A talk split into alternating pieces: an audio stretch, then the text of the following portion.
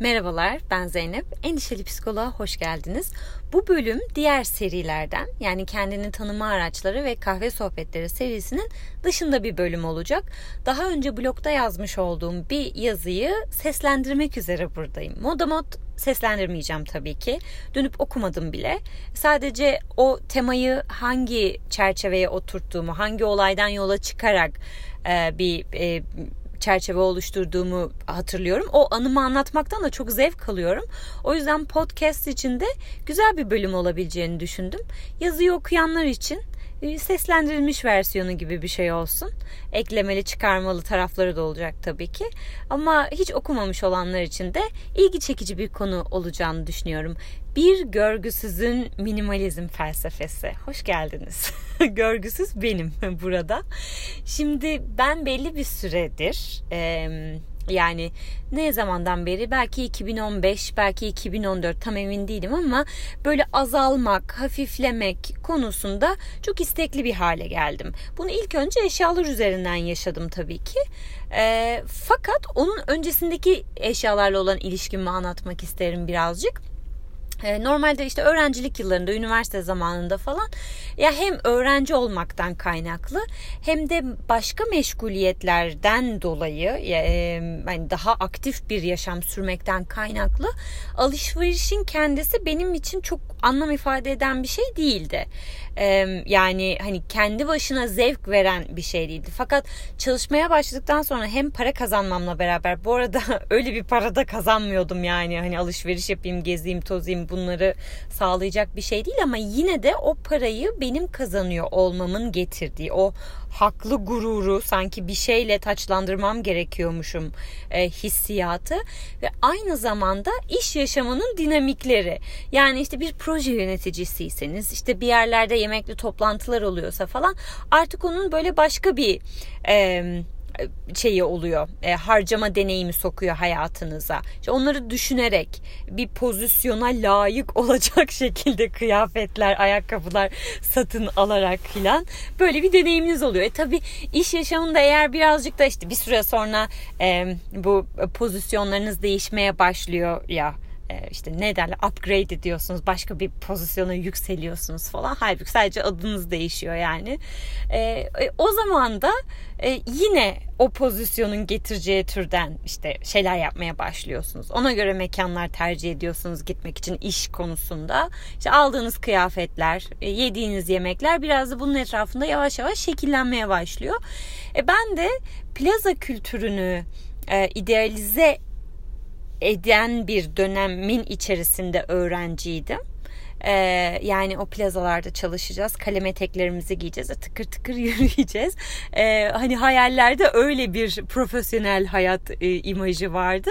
E, o yüzden de bu çalışmaya başladıktan sonra işte bu süreçteki alışveriş deneyimimin böyle bir şeye dönüşmesi beni o zamanlar çok heyecanlandırıyordu. O kadar heyecanlandırıyordu ki. Yani daha böyle öğrencilik zamanında dandik tek kapılı bir gardırobum vardı. Ama ondan bir sene sonra beş kapılı bir gardıroba ihtiyaç duymaya başladım. Öyle hızlı bir büyüme hali yani o anlamda. Hatta şöyle bir şey hatırlıyorum. Zaten sıkıntılı bir noktada olduğumun o zaman farkına varmıştım. Ee, İstiklal Caddesi'nin başında Top Shop vardı o zamanlar. Şu sonra kapandı orası. E, hatırlarsınız belki. E, vitrininde gelip geçerken gördüğüm bir etek var. Bayılıyorum bayılıyorum. E, neyse ama işte fiyatı o beni gerçekten aşacak bir fiyattı. O yüzden almadım. Yani tamam ıı, alışveriş yapmaya gönül vermiştim o dönem ama hani belli bir ölçüde de şeyimi çok kaybetmedim. E, kendilik algımı çok kaybetmedim. Neyse çok pahalıydı benim için ve almamıştım. Sonra bir gün indirim şeyini gördüm ve o etek bana olan bedeni hepsi orada duruyor. O zamana kadar da denememiştim ben eteği. Ee, sonra dedim ki bu arada hala pahalı. Yani indirimli hali bile çok böyle şey yapıyorum. O kadar da rahat hissetmiyorum kendimi. Dedim ki ben bunu deneyeyim. Zaten kötü durursa hani içimden atmış olurum sorun değil. E güzel duruyorsa da alırız artık ne yapalım diye bir bakış açısıyla kabine doğru gittim. E, denedim. Ya inanılmaz kötü. Yani bir insana nasıl yakışmaz? İşte o bendim yani orada. O kadar çirkin. o kadar çirkindi ki yani üzerimde duruşu. Eteğin bir kabahat yok. Benim proporsiyonumdan olsa gerek. Yani çok kötü. Ya ona 5 lira verilmez, 3 lira verilmez yani. Öyle kötü. Abartmıyorum. Ama çok sevmişim ya ben ona gelip gidip bakmışım, pencereden bakmışım, içeriye girip dokunmuşum falan o süre boyunca bir de inmişimdi böyle bir duygu şeyi var yani aramızda bir ilişki geliştirmişiz onca zaman. Ve en son kasaya giderken şey dedim yani e, ben bunu hiçbir yerde giymeyeceğimi biliyorum. Aynaya bakmaya bile tahammülüm yok. Ama burada duracağına benim evimde dursun dedim ve kasaya gittim.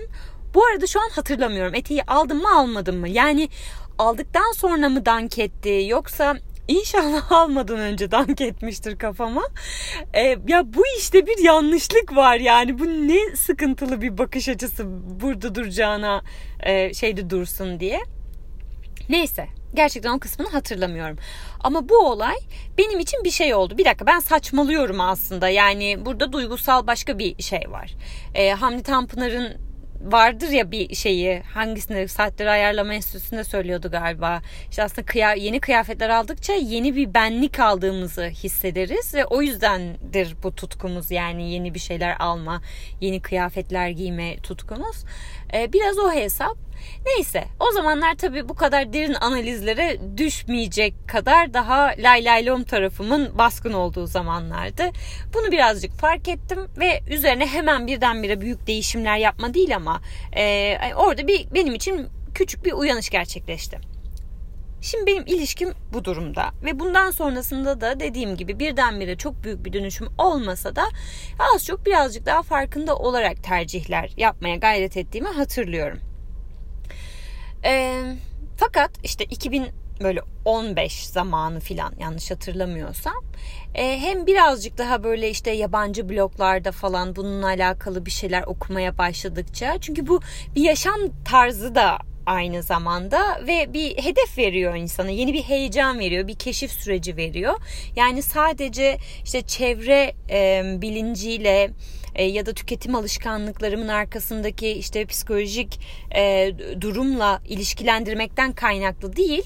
Olayın kendisinin benim için yeni bir deneyim olmasından sebepti bu yöne eğilimim. Ee, ve yavaş yavaş işte hem eşyalarımda e, azalmak istediğimi fark ettim. E bir de bu Amerika'ya taşınma süreci de bu anlamda tabii çok yardımcı oldu. O, o zaman zaten iyice yüzleştim. Yani mesela bir arkadaşımla yapıyoruz elemeyi. Valize hazırlar. Daha valize geçemedik. Daha dolapları eliyoruz. Ee, işte bana soruyor. Diyor ki bu bu, bu eteği giyiyor musun? Bu elbiseyi giyiyor musun? E, ve benim verdiğim cevaplar şey giyiyorum giymiyorum değil. Ben o elbiseyi Fransa'dan şöyle anda şöyle hissederken almıştım ve elimde baget taşıyordum. Adeta bir Parizyendim filan. Yani o kadar anlamsız ki tamam belli ki ben ona bir senaryo yazmışım. Ben ona bir kişilik inşa etmişim ve bir şekilde benim dünyamda yeri var. Ama giyiyor muyum giymiyor muyum yani özetle bu giymiyorum ben onu. En son kim bilir ne zaman giymişim. Çok sancılı oldu benim için o eleme süreci. Ve ondan sonra hazır o kadar elemişken yani Amerika'ya da gelmemle beraber dedim ki tamam ben bundan sonra şey yapmayacağım yani ekstra şeyler almayacağım kendime. E, gerçekten üzerine iyi düşüneceğim ve e, ihtiyaca binaen bu ihtiyaç sadece şey ihtiyaç olmasına gerek yok. Yani hiç tişörtüm kalmadı ancak o zaman alayım gibi değil. Duygusal ihtiyaçları da göz önünde bulunduracağım ama böyle aşırı bir tona kaçmamaya gayret edeceğim. Yani biraz bunu e, kendime yol haritası olarak belirlemek istedim.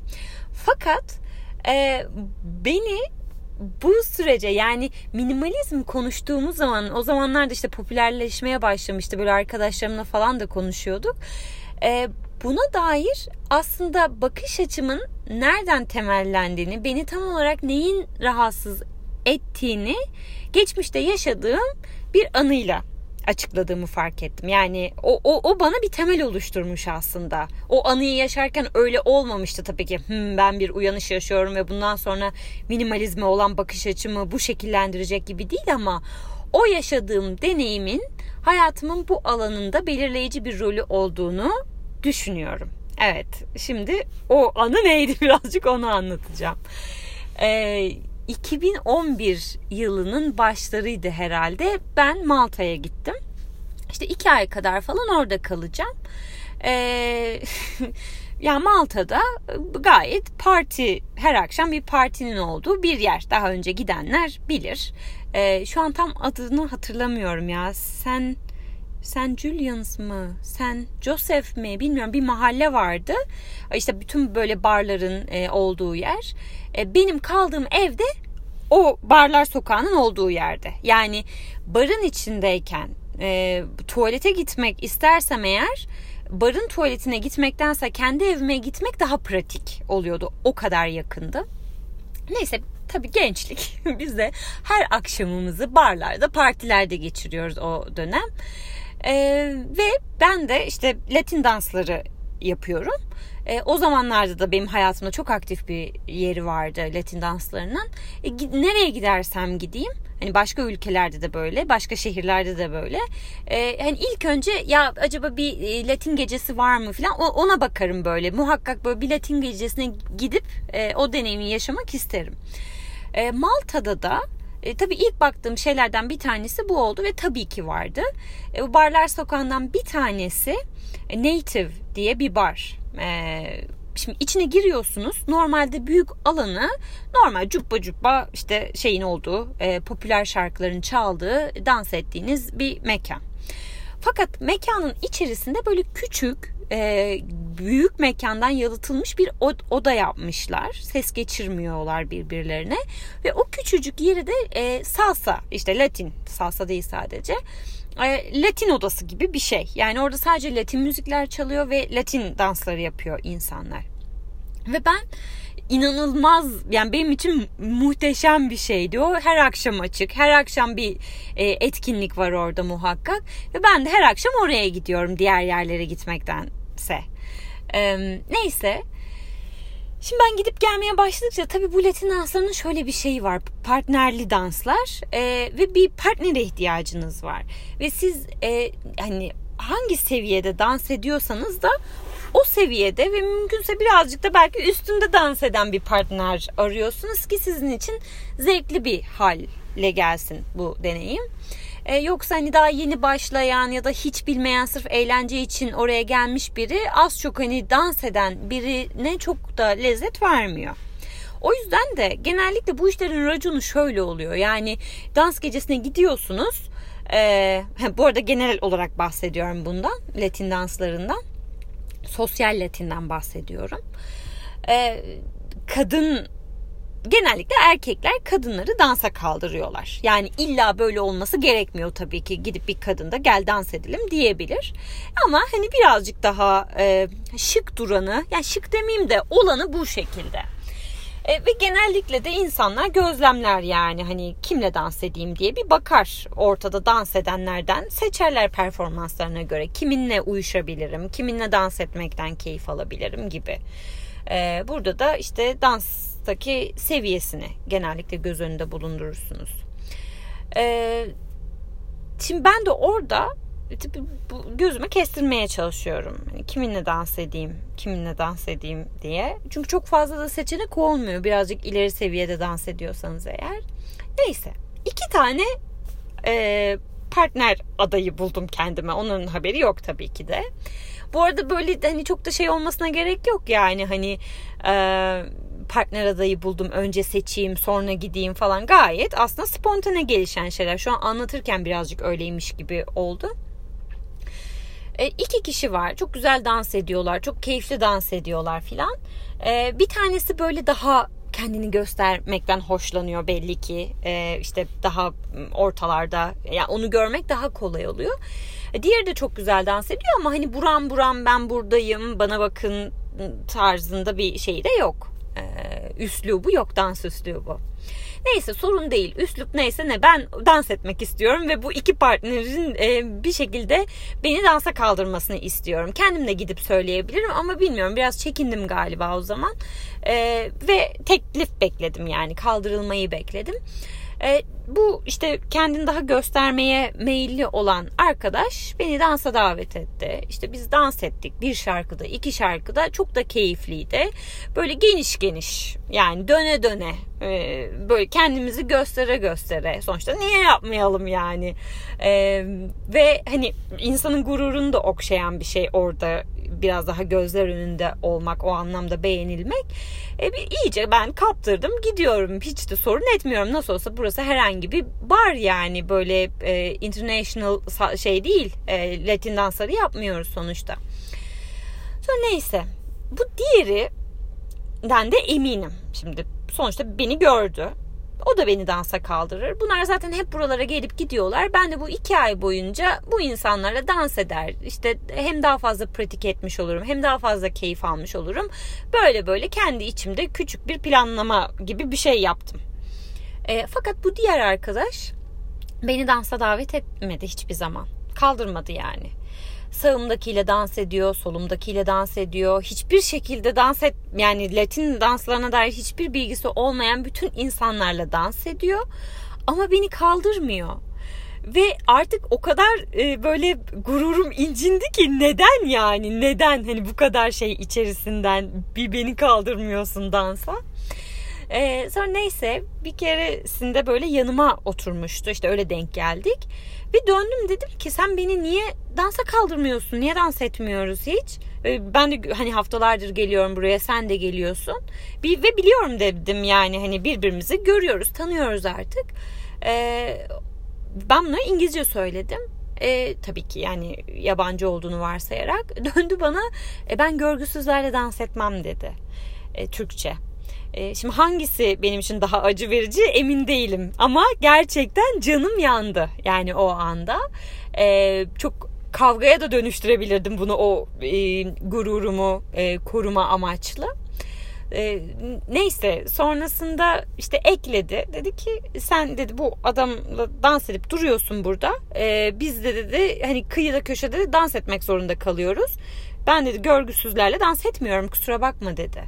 E, yani tabii hoş değil yani hissettiğim duygular hoş değildi ama sonrasında üzerine biraz düşündüğüm zaman çok haklı. Yani e, mesela iyi dans edip dans etmemek değil ki. E, oraya herkes bir şekilde eğlenmeye geliyor ve herkesin bir yer hakkı var o sahne üzerinde. Yani ben daha iyi dans ediyorum, ben buraları hak ediyorum, ee, işte ben daha estetik bir duruş sergiliyorum deyip yani öyle merkeze şey yapmak itici bir şey. Ben bunu başka bir hayatın başka alanlarında bu tip davranışlarla karşılaştığım zaman ben kınıyorum şahsen. Yani benim de hoşlanmadığım bir şey. Ee, ve bu o gün yani onun bana söylediği, benim orada hissettiğim şey yer kaplamakla alakalı olarak aslında benim bütün hayatımın yani genelinde e, bana bir referans noktası oluşturduğunu düşünüyorum. Yani bu şeyde yaşadığımı iddia edemem ama hatırlamaya çalıştığımda e, kendime aldığım pusula biraz bu oluyor. Yani ilişkiler içinde kendimi konumlandırdığım yer, işte hani bir diyalog içerisinde kendimi konumlandırmaya çalıştığım yer ne kadar alan kaplıyorum? Yani ne kadarını işgal ediyorum? Ne kadarı gerçekten bana ait? Ne kadar bir başkasının alanına e, gasp ediyorum? Bu, bu soruların e, gerçekten güzel e, yönlendirdiğini düşünüyorum pek çok alanda. İşte eşyalarla da aslında ilişkin birazcık bunun üzerinden şey olmaya başladı, şekillenmeye başladı e, bu, bu sorular etrafında. Yani ben bu kadar alan işgal etmek zorunda mıyım bu yeryüzünde? Yani gerçekten bu benim hakkım mı? Yani bunu kendime hak görmem hak mı?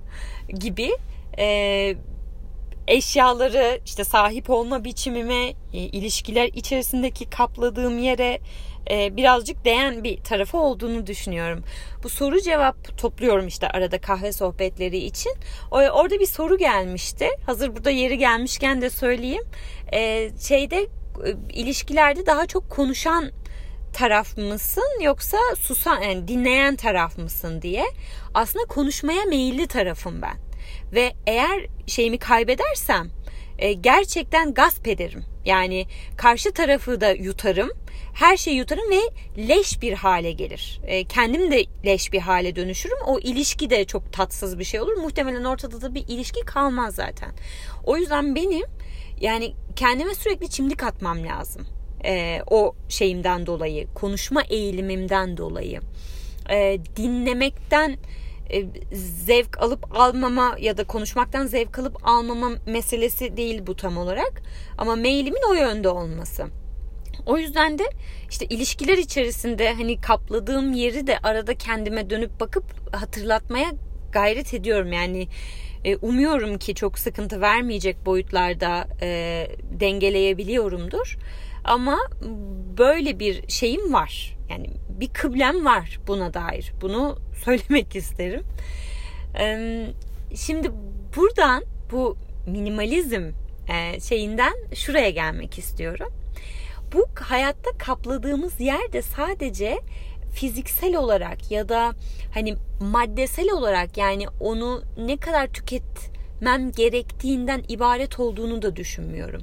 İnsanın kendisine belli bir meseleyi amaç edinirken kendine dair bir cevabının bir yönünün, bir felsefesinin olması gerektiğini düşünüyorum. Yoksa buradan baktığımızda minimalizm dediğimiz şey azalmak. Yani ihtiyaç ölçüsünde tüketmek. E, ve mümkünse de eş zamanlı üretebilmek. E, yani böyle bir durumda yani dünyaya çok da zarar vermeden, e, kendimizi de içsel olarak ruhumuzu da tüketmeden, kaynaklarımızı da tüketmeden e, bir dengeye oturtabiliriz diye düşünüyorum. Fakat mesela pandemiyle beraber şöyle bir şey oldu. Burada e, kahvecilere normalde termosunuzu işte veriyorsunuz her yerde olduğu gibi e, ve kahvenizi, termosunuzu alabiliyorsunuz. Ben de Amerika'ya taşındığım günden itibaren o benim şeyimdi, fantezimdi yani kahve termoslarıyla gezmek, işte olabildiğince poşet tüketmemek, bez çantalarım falan hepsini kullanmak. Burada onu gerçekleştirebilmeye başlamıştım ve çok da keyif almıştım bu süreçten. Bir yandan hem şey duygusu, iyilik yapıyorum ben ya da en azından kötülük yapmıyorum. Ama diğer taraftan o kişi olmak. Yani kendimin o o imajını görmüş olmak o da hoşuma giden bir şeydi. E diğer taraftan da insanın zihnini meşgul eden başka bir mesele var. Yani bu da hayata bir anlam katan şeylerden bir tanesi. Bir meşguliyet edinmiş oluyorsunuz ekstra. E, filan. Ama pandemiyle beraber e, bu termosu kullanmamaya başladık. Yani almıyorlar, kabul etmiyorlar ve sadece işte plastik kaplarda şey yapıyoruz. E, zaten çok sayılı yerler açık. E, zaten çok sayılı yerlerin dışarıda oturma imkanı var. Her yerin yok böyle bir şey. İnsanlar genellikle alıp arabalarına gidiyorlar. E, şeyler evlerine gidip kahve içiyorlar mesela Starbucks'tan alıp. Şimdi mesela böyle bir durumda e, ben şunu hissedebilirim bir yandan. Ya işte ben e, plastik bardak tüketmek istemiyorum o yüzden de hani termosumu da kullanamıyorsam ben artık hep evde yapacağım kahvemi falan. Ama pandemiyle beraber başka ihtiyaçlar ortaya çıktı. İşte dışarı çıkamıyoruz, sosyalleşemiyoruz, bir hava almak istiyoruz, bir yerde bir oturup bir mekan değişikliği istiyoruz. Sürekli evde kalmışız zaten.